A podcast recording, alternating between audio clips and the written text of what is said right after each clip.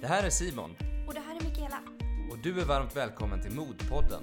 Podden som ur ett brett perspektiv ökar kunskap och engagemang om organdonation. Kära lyssnare. Dagens avsnitt av Modpodden är extra speciellt eftersom det är säsongens sista. Innan vi presenterar Modpoddens sista gäst för den här gången vill vi passa på att tacka alla er som har lyssnat på vår podcast. Det har varit en kul resa hittills och vi är riktigt laddade för en ny säsong till våren. Och med det sagt så är det dags att presentera vår gäst för den här episoden. För säsongens sista avsnitt har vi bjudit in en god vän och kollega, nämligen Peter Karstedt, en av medgrundarna till MOD. I vårt samtal berättar Peter om varför han tillsammans med Marta Elin valde att starta MOD för sex år sedan. Peter förklarar även hur det gick till när han själv var i stort behov av en ny njure vid nyss fyllda 30 och vad som hände bakom kulisserna på mord, och hur han ser på utmaningarna som ligger för Sveriges donationsvård. Det råder ingen tvekan om att Peter är en person som brinner oerhört mycket för donationsfrågan. Och under de sex år som MOD funnits har visionen för organisationen varit glasklar. Att ingen i Sverige ska behöva dö i väntan på nya organ. Vi är oerhört glada över att kunna ge er Modpoddens sista avsnitt för den här säsongen inspelad i ett vardagsrum eh, i Enskede i Stockholm. Varsågoda. Hej Peter! Vad kul att du är med i Modpodden. Tack så mycket.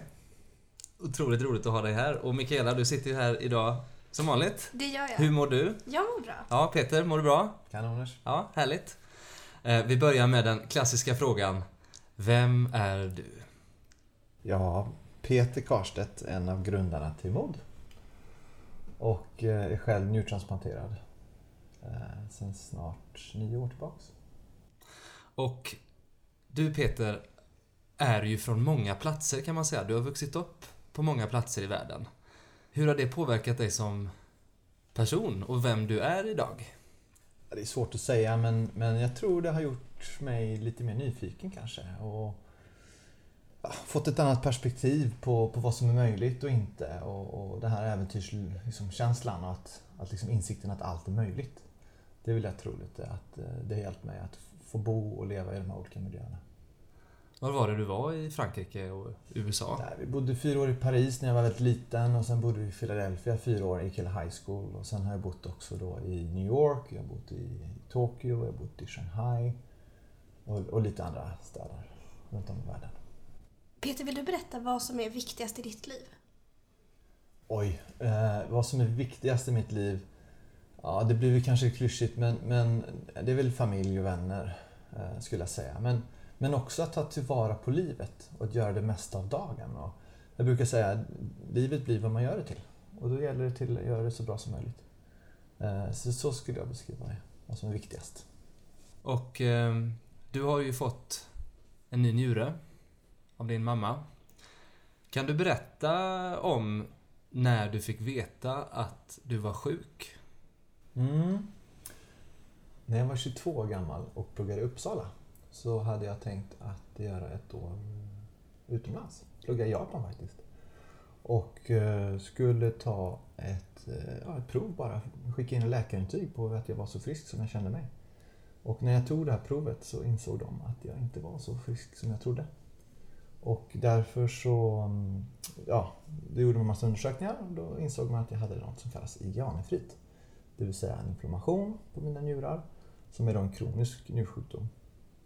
Och då sa läkarna att Peter, det är ingenting du har gjort för att liksom förtjäna det här. Det är inget genetiskt eller någonting i släkten som, som förklarar det här, utan vi vet inte varför du har fått det. Och det finns egentligen ingenting vi kan göra för att hindra förloppet. Vi ska försöka lindra såklart och vi ska följa upp med jämna mellanrum och försöka bromsa förloppet, men vi kan inte hindra det. Så du kommer nog behöva dialys eller en transplantation någon gång i ditt liv. Men förhoppningsvis så kanske det är inte förrän du är 50, 60, 70 kanske till och med.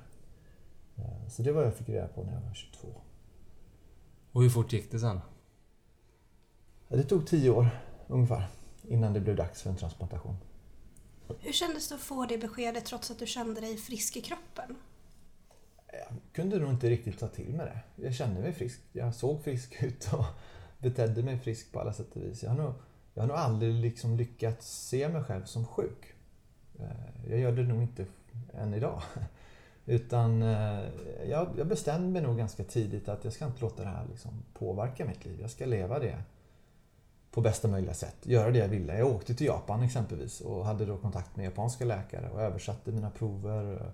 Skickade hem till Sverige och fick massa hjälp med det. Och eh, liksom har inte sett att det här med att vara sjuk eller liksom, det ska inte få begränsa mitt liv. Och det vet jag inte riktigt var det kommer ifrån men det var någonting jag bestämde mig tidigt för att jag får göra det bästa av situationen. Det som har hänt har hänt och då kan jag inte sitta och gnälla på det utan då vill jag hellre göra det bästa av det. Var det så att det blev värre och värre med tiden? Eller var du kärnfrisk till den dagen du fick reda på att nu måste vi göra någonting? Nej, det gick sakta men säkert utför. Och det gick liksom som en trappa nerför. Mm. I skov kan man säga. Eller, och vissa grejer kunde jag inte alls förstå. För njursjukdom är en dold sjukdom brukar man säga. Det, som man inte, den är dold för allmänheten eller ens vänner och nära men den, den var nog också lite dold för mig själv. Jag förstod inte att jag mådde sämre. För varje år som gick, för varje månad som gick, för varje dag som gick faktiskt. Så mådde jag alltid lite, lite sämre. Sen fick jag vissa grejer. Jag fick gikt och jag fick massa problem. Jag fick till och med hoppa upp fram på kryckor och, och lite sådana här små konstigheter. Och jag hade jättehöga kaliumvärden mm. och sånt där strul och fick massa andra biverkningar. Men, men liksom på det stora hela så förstod jag inte hur sjuk jag var. Egentligen först efter min transplantation. Det var då jag vaknade upp och såg, jaha, är det så här det är att leva? Är det så här det är att vara frisk och ha energi och vara pigg? För, för jag förstod inte det när jag blev lite, lite sämre för varje dag. Mm. Du berättade en gång, minns jag, att det var som att hoppa ner i en isvak och liksom vakna upp ja. efter transplantationen. Ja. Nej, det var verkligen det. Det var, en, alltså, det var som att typ influensa i flera år. Och så bara helt plötsligt så vaknar man till och är pigg och frisk. Liksom det, det var en magisk känsla faktiskt. Eh, efteråt. Ja, och jag känner igen det väldigt mycket. Det är som den här två veckors perioden veckan innan transplantationen och sen till veckan efter när man inte har så mycket smärtor. Mm. Det är ju inte direkt över en dag för att smärtorna är ändå, man blir lite blind av dem. Men det är otroligt stor skillnad på en eller två veckor. Ja. Verkligen. Mm. Och eh, hur kändes det att få ta emot ett organ ifrån sin mamma då? Var det självklart att din mamma kunde donera till dig eller hur gick, hur gick den själva utredningen till? Ja, för det första är det inte självklart liksom hur man ställer frågan eh, om vem som kan bli en levande donator. Och där har vi ett system i Sverige där bördan, eller vad man ska kalla det för, ligger på patienten. I andra länder som i, i Norge exempelvis, vårt grannland, då ligger den bördan på sjukvården. Så att det är de som har ansvaret att föra och ställa frågan till en mm. lista som patienten har tagit fram tillsammans med läkaren. Men i Sverige då så har vi ett system där, där det ligger på oss att ställa frågan. Och det är inte lätt att, liksom att säga, men tjena, jag skulle behöva en njure. Uh, ja, hur tar man det samtalet? Jag hade tur, jag tror jag hade 6-7 personer som, som anmälde sig frivilliga till att donera. Och den utredningen då som började, det var att man började först med närmaste familjemedlemmar, som mamma och pappa. Så gjorde man en utredning på dem och då visade det sig att eh, att mamma var den bästa matchen helt enkelt. Mm. Och då behövde vi inte liksom gå vidare med de här andra. Ehm, så det var en process som tog ett par månader tror jag det var.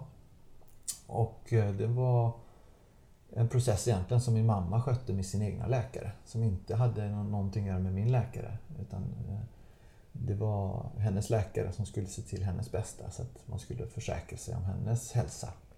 Och eh, men det, det, var alltid ganska självklart tror jag.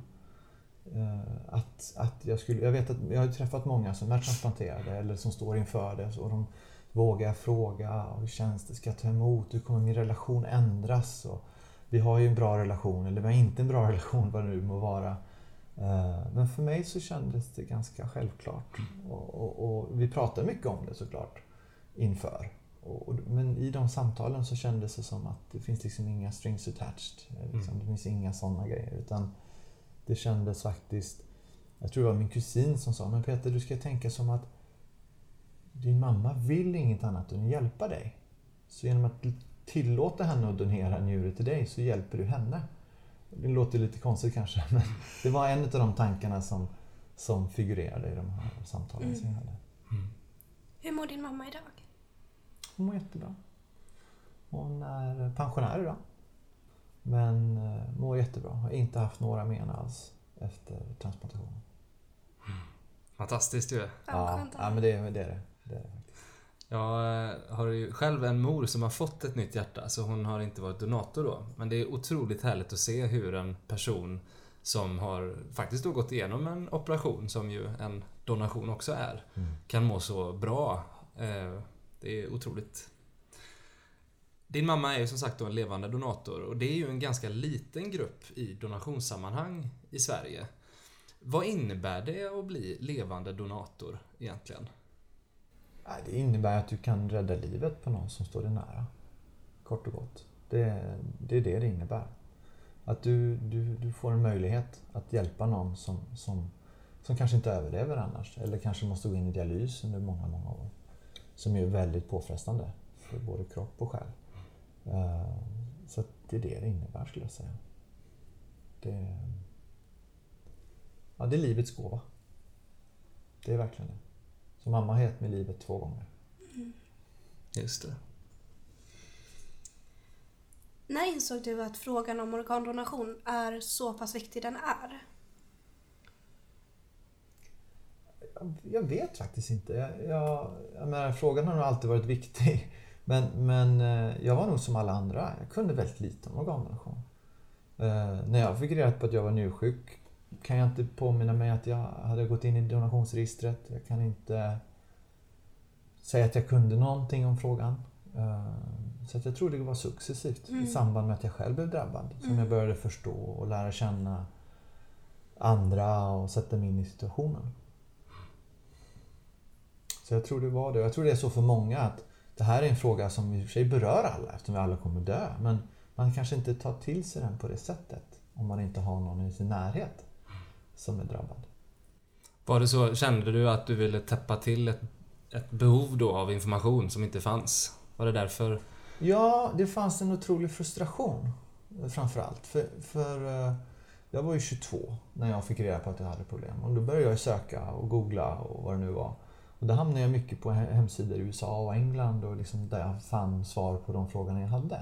Jag hittade inte dem på de svenska sidorna. Jag tyckte inte patientföreningarna hade den informationen på, på ett paketerat sätt som jag kunde Nej. ta till mig.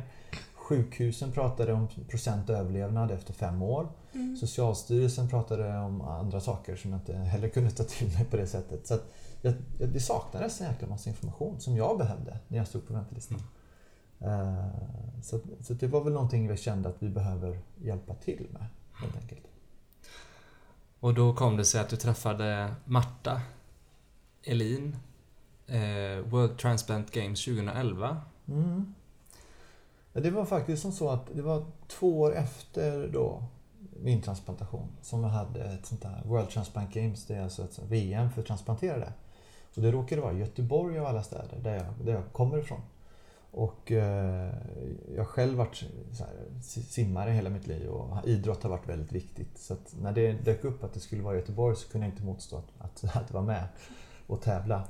Så att det, var en, det var en jätteviktig tävling för mig. Eh, dels var det liksom en revansch från att ha varit sjuk och sen eh, sjukskriven och återkomma. Så att för mig så var det ett sätt att komma tillbaks till livet. Att få fira att jag lever och, och eh, det var då under invigningen av World Transplant Games som man höll en tyst minut. En tyst minut där vi hedrade alla donatorer som gjorde det möjligt att de här 1500 deltagarna är från tror jag 50 länder kunde vara med i tävlingen med enbart vinnare. Eh, när vi hedrade de donatorerna då, då gick det som en liksom, rysning i hela rummet och, och jag kände att wow, det här är stort. Och eh, vi hedrade samtidigt också, höll en tyst minut för alla de som har stått på väntelista och inte överlevt. För det var en verklighet. Och det var faktiskt då i samband med World Transplant Games som då både Marta och jag började liksom tänka mer på de här frågorna och vi insåg också, att wow! Varför lyfter man inte på ett sånt positivt sätt, som, alltså i Sverige? För World Transplant Games handlar om livet, det handlar om sport, det handlar liksom om... Ja, det, man lyfte det positiva med det. Och det såg vi inte att någon annan hade gjort. Och det kändes så självklart att det behövdes när vi väl såg det. Mm. Ehm, så det, var, det var faktiskt då efter några ja, några veckor efter World Transplant Games så, så ringde jag Marta om en helt annan sak. Faktiskt för att ta över Transplant Sweden då, som är den förening i Sverige som, som är med i World Transplant Games. Så skulle jag bli team manager och tänkte men Marta, ska inte du bli team manager med mig? Eh, så kan vi liksom hjälpa utveckla då det här sportintresset för transplanterade i Sverige. Eh, som jag sen då var i två års tid. Samtidigt som vi startade upp MOD. För då kom vi fram till i de samtalen att ja, men det behövs någonting mer. Vi kände både den frustrationen, den informationen som saknades när vi stod på mm. väntelistan. Eh, och så kände vi att Socialstyrelsen kommer inte göra det här. Patientföreningar klarar inte av det så som det varit. Och sjukhusen, ja men de har annat att göra. Eh, och istället för att gnälla på de som faktiskt redan finns så kände vi låt oss försöka hjälpa till. Mm. Och, och, och, då Marta och jag vi sa så här, kan vi hjälpa en person som står på väntelistan? Om vi kan göra det, ha det som mål, så skulle det vara fantastiskt. Det skulle vara värt att liksom säga upp sina jobb och, och börja med, med det här. Då. Och ehm, ja, bara några, några dagar efteråt så, så, blev jag inbjuden till, till riksdagen faktiskt. För att eh, det var donationsvecka. Och då fick jag eh, chans att, att, träffa en del politiker. Jag träffade Socialstyrelsen, jag träffade patientföreningar, läkare. Eh, och i det samtalet så, så, blev jag så förvånad. Det här var då 2012. Och nej, ja, det, förlåt, det var 2011. Och då var det liksom de olika grupperna skyllde på varandra. Varför har vi inte kommit längre? Och, och det är så här, men har vi inte kommit längre än så här? 2011, mm. det är helt otroligt. Uh, vi måste uh, samarbeta. Mm. Vi måste få till att lösa de här problemen. Istället för att peka finger. Och, och då träffade jag också Öystein Gynge som är en transplantationskoordinator i Sverige. Han sa, men Peter, det finns en organisation i världen som, som gör jättebra jobb. Och de, de sitter i Norge. Stiftelsen Organdonation heter de. De har jobbat nu i 20 år tror jag, eller något sånt där, med att mm. driva frågan om kommunikation. Och eh, jag tror det var två veckor efter jag fick höra om dem så åkte jag upp, knackade på och så sa Hej, vi heter Peter, jag ska starta upp någonting liknande som ni håller på med. Vi ska heta Stiftelsen Organdonation. Mm. Eh, och Marta och jag vill, vill då göra det ni har gjort. Kan, kan inte vi få lära oss ifrån er? Och då hade vi eh, tre timmars möte där de berättade om hur de jobbade. Och så fick vi stämma av lite det. Och mm. på den vägen är det kan man väl säga. Vi har, från, från första början så började det med en frustration. Och sen så har vi då försökt inspireras från andra runt om i världen. Både då Norge, sen var jag faktiskt över i Kanada och USA och träffade en del organisationer i Donate Life-rörelsen. Och såg att det finns så mycket som redan är bra. Kan vi inte liksom still with pride? Och liksom hitta mm. det som är bra runt om i världen. Och bara försöka göra någonting eget av det. Ehm, det var i alla fall tanken när vi började. Att, liksom att, att inte försöka uppfinna hjulet utan liksom lära oss av det, det som finns runt om i världen som är bra. Vad har varit svårast med att etablera en organisation som MOD? Oj, det svåraste det, det har nog varit finansieringen. Faktiskt. Uh, vi, vi har ju tagit på oss en väldigt stor fråga. Det är en samhällsfråga. Mm. Det är mm. någonting som behövs egentligen för att samhället ska fungera, om man får säga. Eh, men vi har inte fått några statliga bidrag. Eh, vi har inte heller ja, vi har inte fått den liksom, grund... Vad ska man säga? Jag får börja om på den. Mm. Om du ställer frågan igen så får vi se hur jag mm. svarar. Vad har varit svårast med att etablera en organisation som MOD? Det svåraste att etablera MOD har nog varit finansieringen. Ehm, jag tror när vi varit ute och försökt skapa finansiering så är det några som har sagt så men gör inte Socialstyrelsen redan det ni, ni ska göra? Mm. Och, och då skrattade Simon, men, men, men vi som har träffat Socialstyrelsen känner så här, men nej, de gör andra saker. Och de gör inte det vi gör. Och de ska inte göra det vi gör heller. Utan vi behövs som ett komplement. Det är inte antingen eller, utan vi behövs både och.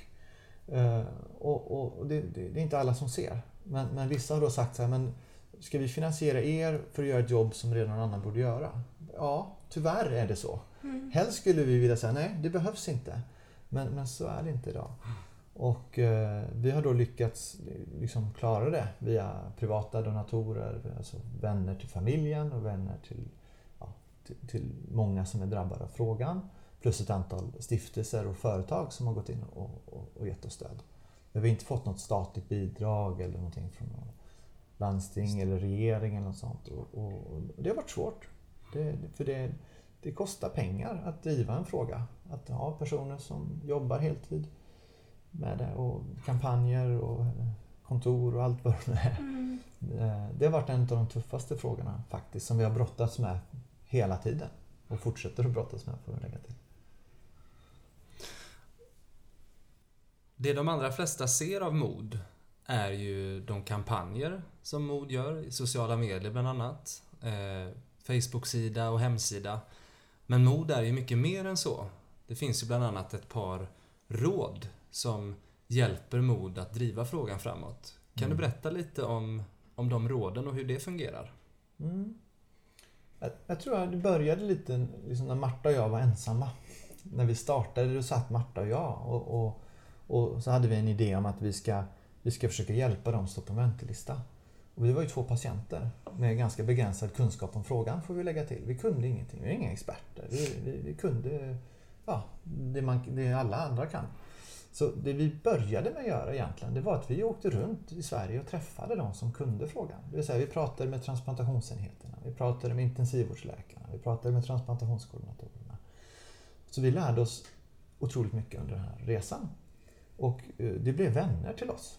Eh, exempelvis ja, Bengt-Åke Henriksson då, som var donationsansvarig eh, läkare i Västra Götalandsregionen. Han var en av de tidigaste som vi träffade och som sa men det ni gör det behövs, det är fantastiskt viktigt. Och det betydde så otroligt mycket för oss. Så vi hade liksom återkommande samtal med Bengt-Åke och många andra eh, under flera års tid egentligen. Liksom när, när det kom upp en idé vad vi ska göra då, då ville vi stämma av det här. Att liksom, är det här rätt? Är det här smart? Eller det här, kan det här ge den effekt vi tror? Eh, och i de samtalen så, så växte det fram efter mycket om och men att, att vi kanske ska formalisera de här relationerna.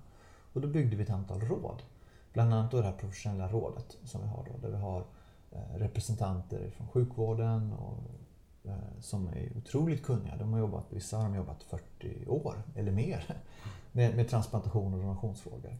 Och då har vi förmånen, skulle jag säga, att, att ha ett råd med liksom, ordförande för Svenska läkare, Sveriges läkarförbund, Daniel Brattgård som pratar om etikfrågor, Annika Tibell som är en av de mest drivande inom donationsfrågorna. Vi har ja, donationsansvariga, vi har jättekunniga människor då, som vi kan ha ett samtal med.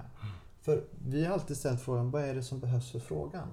Och, och, och då är det Givetvis kampanjer, som du var inne på lite där. Det är det som syns. Vi behöver göra frågan närvarande i, i samhället. Mm. Det är jätteviktigt, för det saknades när vi startade. Men vi behöver också påverka hur sjukvården är organiserad, hur man jobbar med frågan. Eh, vilken kunskap, vilken attityd som finns i sjukhuset. Men, och den tredje biten är också att vi måste se över lagstiftning och regelverket.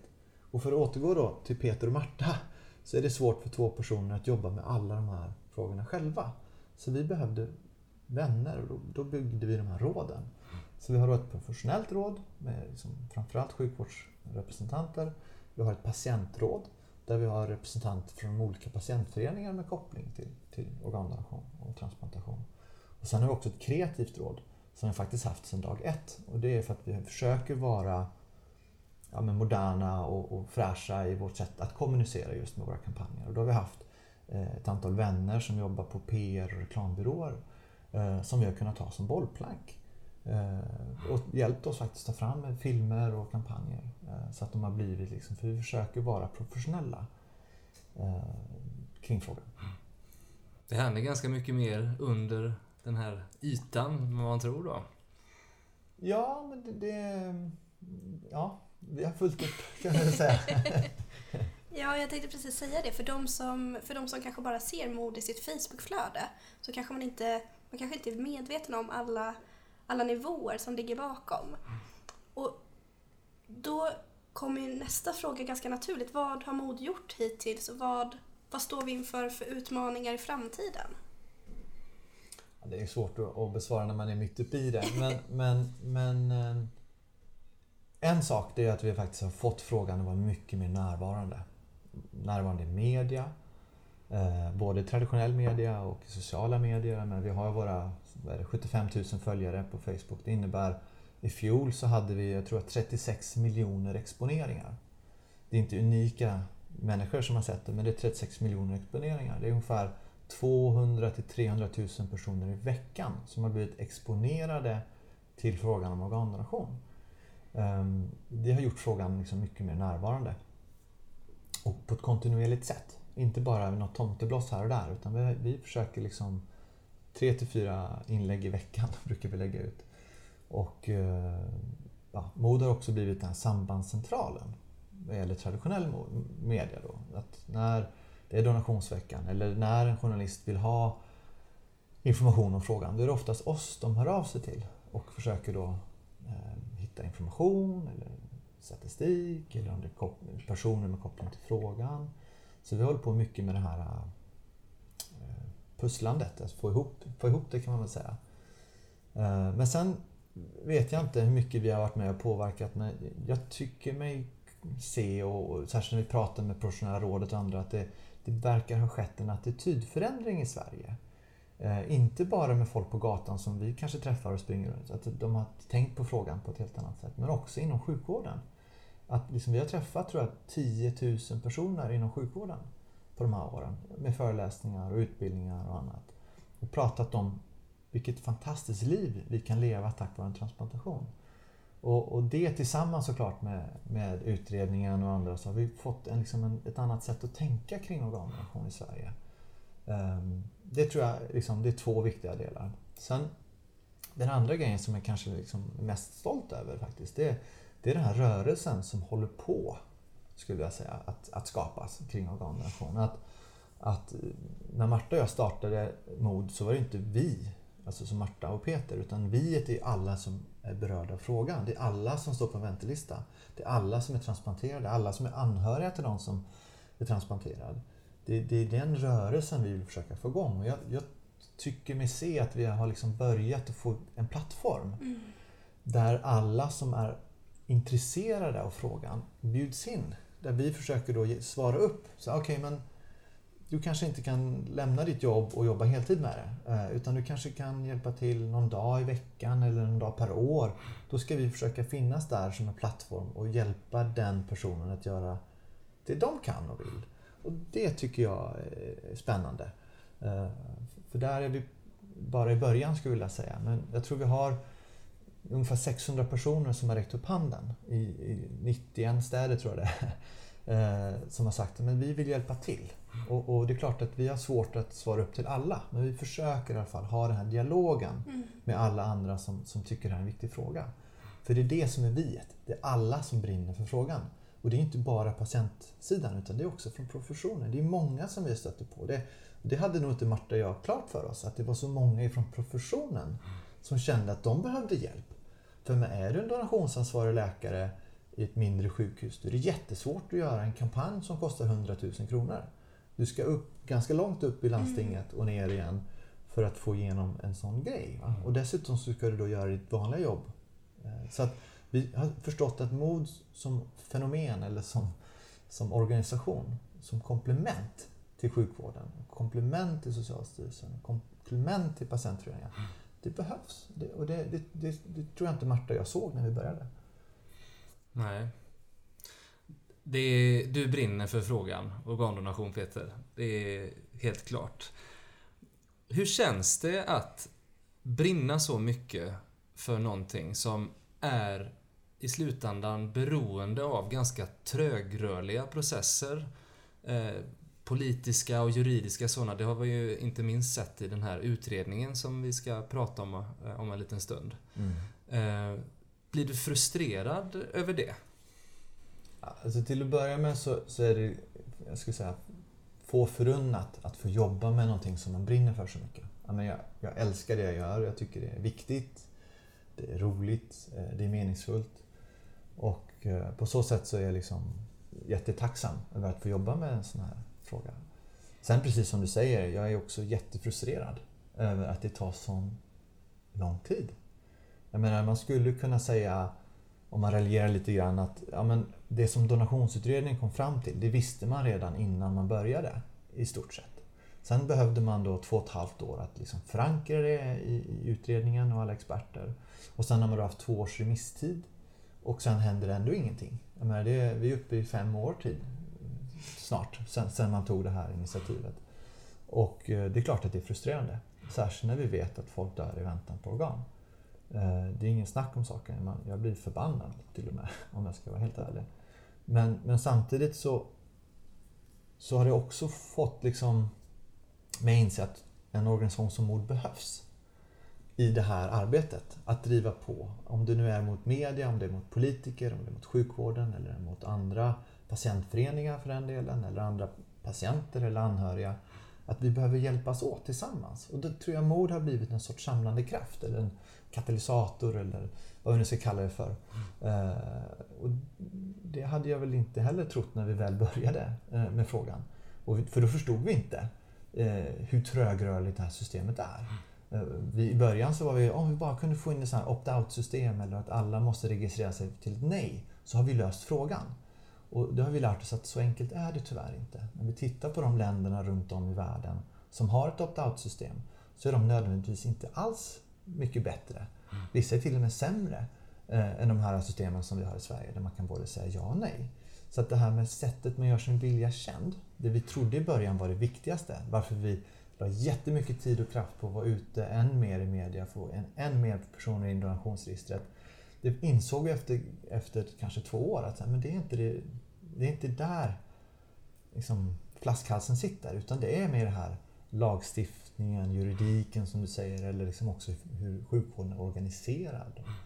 Och vilka personer som jobbar med frågan, vilken utbildning de har, vilken attityd de har.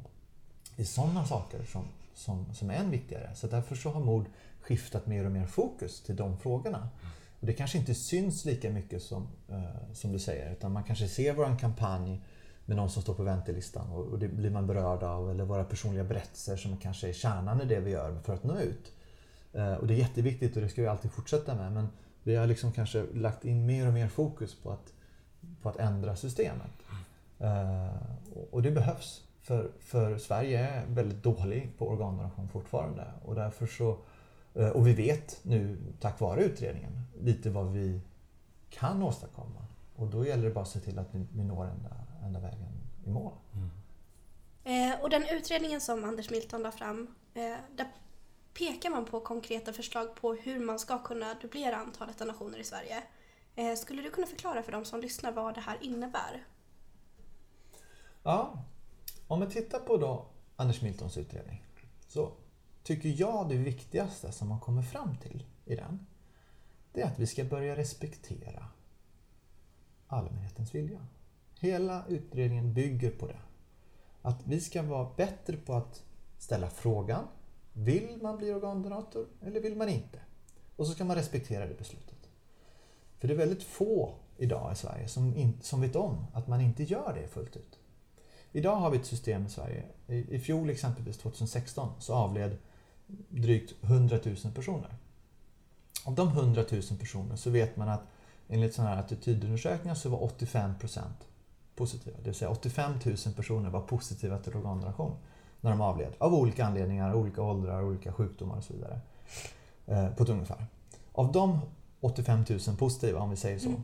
eh, så blev det 185 personer som blev organdonatorer. Så det är inte viljan, än en gång, eh, som är det viktigaste eh, för att få igenom det här. Utan det är vilka tillåts bli organdonatorer enligt det svenska systemet. Och det har att göra med eh, när frågan har ställts och vilken vård man får efteråt.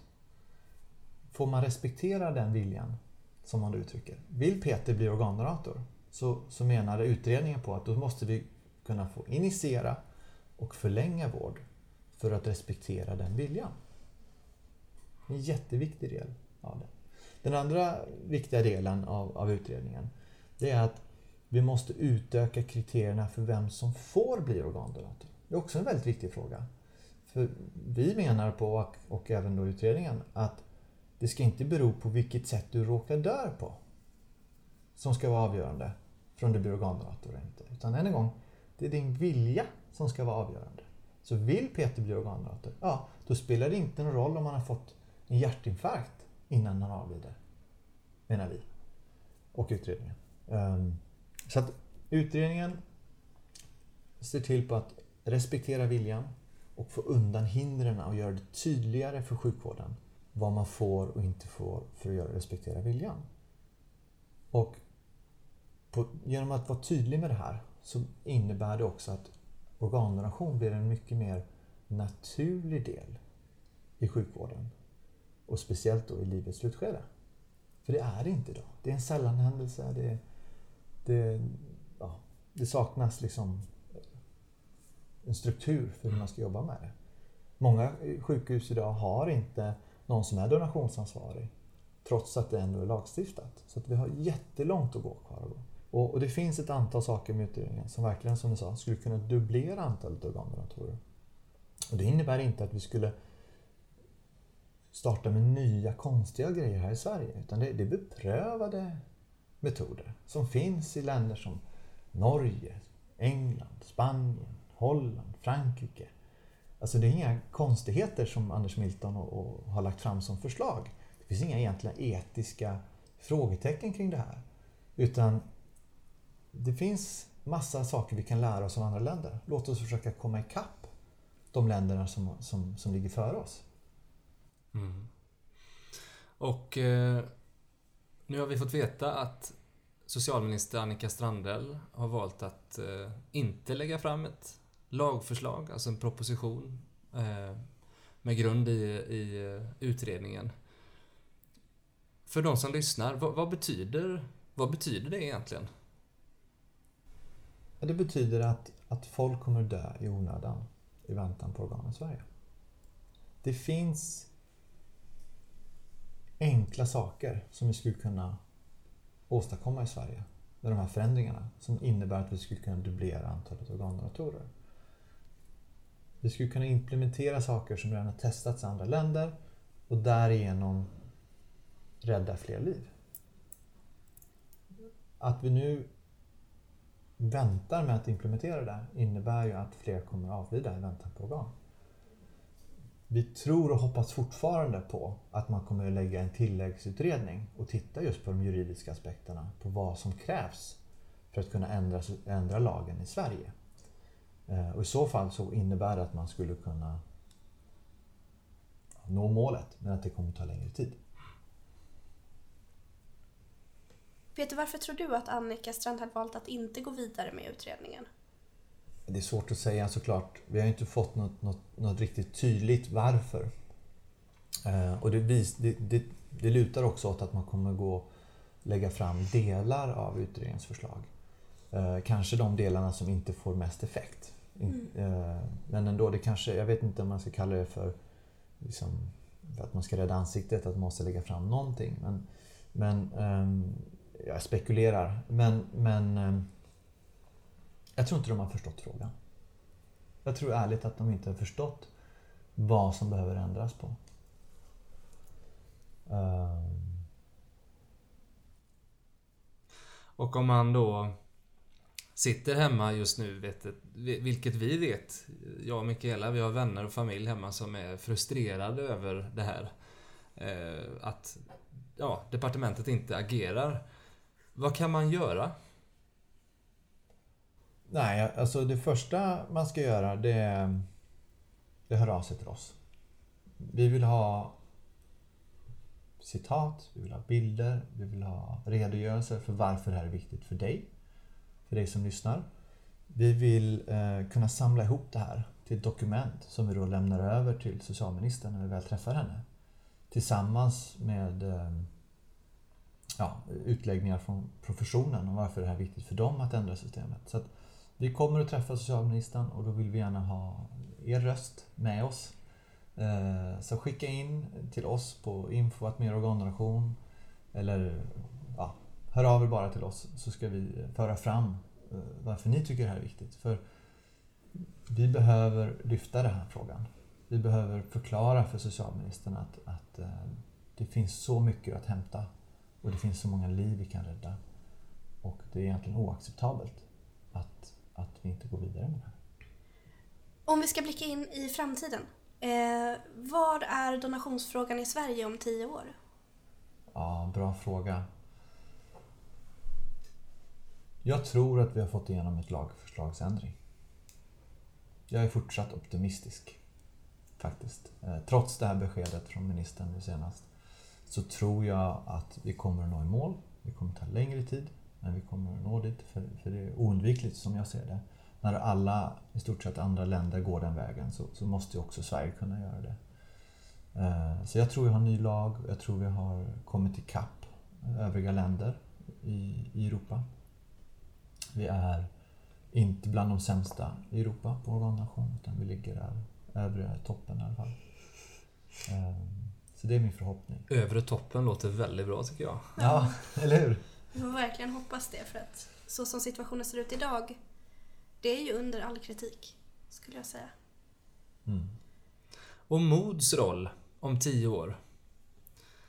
Vad är, vad är slutmål? Finns, finns det ett slutmål för vad Mod ska göra i Sverige? Ja, det finns en vision i alla fall. Och det är att ingen ska behöva dö i väntan på organ. Det är det vi jobbar för. Och eh, om det nås om 10 år, eller om 5 år eller om 20 år, det, det, vet jag inte. Men jag vet att det är det som är målet. Och eh, vi har aldrig sagt att vi har något, något egenvärde av att existera bara för att. Utan vi har sagt så här, men når vi det målet, då kan vi lika gärna lägga ner. Så vi har liksom inte något, något, ja, något egenvärde att finnas till som organisation. Utan vi jobbar för det här målet. Och eh, vi får se helt enkelt vart vi är. Det finns, det finns ett antal olika vägar som vi står inför som vi skulle kunna eh, utveckla organisationen till. Men, men eh, just nu så har vi allt fokus på att det här med utredningen och se till att få igenom den. Och eh, efter att vi har liksom jobbat med det, då, då, då ska vi ta oss en funderare på vilken typ av organisation vi ska vara i framtiden. Om man sitter hemma nu och känner att jag vill så gärna engagera mig i mod. Jag vill bidra till frågan och hjälpa att föra eh, organdonation framåt i Sverige. Vad gör man då? enklaste sättet är, om du inte redan följer oss på Facebook, gör gärna det. Vi vill ha fler volontärer som hjälper till. Om du har mer tid så får du gärna bli en projektledare, driva ett eget projekt tillsammans med oss för, för att göra frågan om organdonation mer närvarande och levande i, i samhället. Eh, har du lite pengar över så får du gärna stötta oss på det sättet. Vi behöver faktiskt eh, ekonomiskt stöd också. Gärna som månadsgivare eller som ett engångsbidrag. Det kan man gå in på vår hemsida merorgandonation.se och, och länka sig vidare till för, för, att hitta det på enklaste sätt. Eh, även på hemsidan så kan du se exempel på uppdrag som man kan göra som tar en timme eller tio minuter eller en minut tror jag vi har olika kategorier. Som ser det som ett smörgåsbord och exempel på saker man skulle kunna göra. Och sen hör av dig till oss, mejla till oss och berätta lite om dig själv och vad du har för intressen så ska vi försöka hitta på något spännande tillsammans. Vi, vi vi ser fram emot att fler ska höra av sig till oss. Mm. Peter, finns det någonting som du skulle vilja betona avslutningsvis? Nej, jag hoppas att alla lyssnare går in och lyssnar på de andra avsnitten. Eh, under den här första säsongen så har vi fått chans att lyssna på forskare som håller på med artificiella hjärtan. Man forskar på att få bort våra immunhämmande mediciner. Man har en jättespännande forskning kring levande donation och den parkorslogaritmen och hur, hur, det, hur man gör, hur, får, hur, man får det att funka. Vi har några av eh, de absolut mest främsta och, och, mest intressanta personerna inom organdonation och transplantation. Vi har om etik, vi har personer som står på väntelistan. Det finns jättemycket spännande avsnitt eh, som jag hoppas att ni alla lyssnar på. Och så hoppas jag också att ni eh, också vill lyssna på säsong två som kommer till våren. Där vi hoppas ha än fler och ännu mer spännande talare om, om eh, forskning, om hur vi ska utveckla organdonation i Sverige, om personliga berättelser. Och har du tankar och idéer på hur du själv vill, eller vem du själv skulle vilja lyssna på, hör gärna av dig till podden att merorgandonation.se och ge dina tankar och idéer. Ett exemplariskt svar, Jättebra skulle jag vilja säga. Avsnitt. Tack så jättemycket för att du var med, Peter. Tack själva. I Modpodden. Tack så mycket. Ja, Mikaela. Vad känner du nu när sista avsnittet för Modpoddens första säsong är över? Jag känner först och främst att det har varit så himla roligt och nyttigt att spela in de här avsnitten och träffa alla människor. Jag har lärt mig så otroligt mycket under den här hösten och det har ju du också Simon. Peter, Marta och Maud har gjort så himla mycket för frågan om donation i Sverige när det kommer till att involvera allmänheten. Och jag ser verkligen fram emot att få jobba vidare med den här frågan. Och trots att utredningen just nu ligger och vilar någonstans kommer jag försöka se på framtiden på samma sätt som många av våra gäster. Att den är ljus och att donationsfrågan kommer få en större plats. Jag hoppas bara att framtiden vill komma lite snabbare. Jag förstår. Och mina tankar går framförallt till det att vi inte får låta politikerna låta frågan om organdonation läggas i en låda bara för att utredningen inte ledde till några konkreta lagförslag. Det finns förstås en funktion med att lagförslag ska ta tid att ta fram och som både Peter och även våra tidigare gäster Annika Tibell och Heidi Stensmyren har sagt så är en trögrörlighet i politiken sund. Men det är inte skäl nog att låta donationsfrågan stå still. Särskilt inte eftersom att det handlar om människors liv. Och därför vill jag understryka Peters uppmaning om att höra av sig till oss på MOD om varför vi inte kan låta politikerna släppa frågan om organdonation. Skicka in dina ord och en bild eh, på dig till namninsamling merorgandonation.se så ser vi till att överlämna vår namninsamling för att främja donationsfrågan och att skapa förändring i politiken. Och det var allt för den här säsongen. Vi hoppas att ni har funnit podden lika givande som vi har gjort under höstens gång. Inför vårens upplaga ber vi er att höra av er till oss med tips på ämnen och gäster.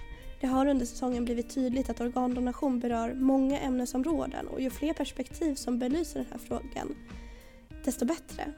Vi får aldrig glömma varför vi på MOD gör den här podden eller de många andra satsningar som engagerar oss. Vi behöver bli fler som tar ställning för organdonation i Sverige för att fler liv ska kunna räddas. Tack så jättemycket för oss och vi hörs igen i vår, eller hur Mikaela? Ja, det gör vi. Tack så mycket. Hej då! Hej då!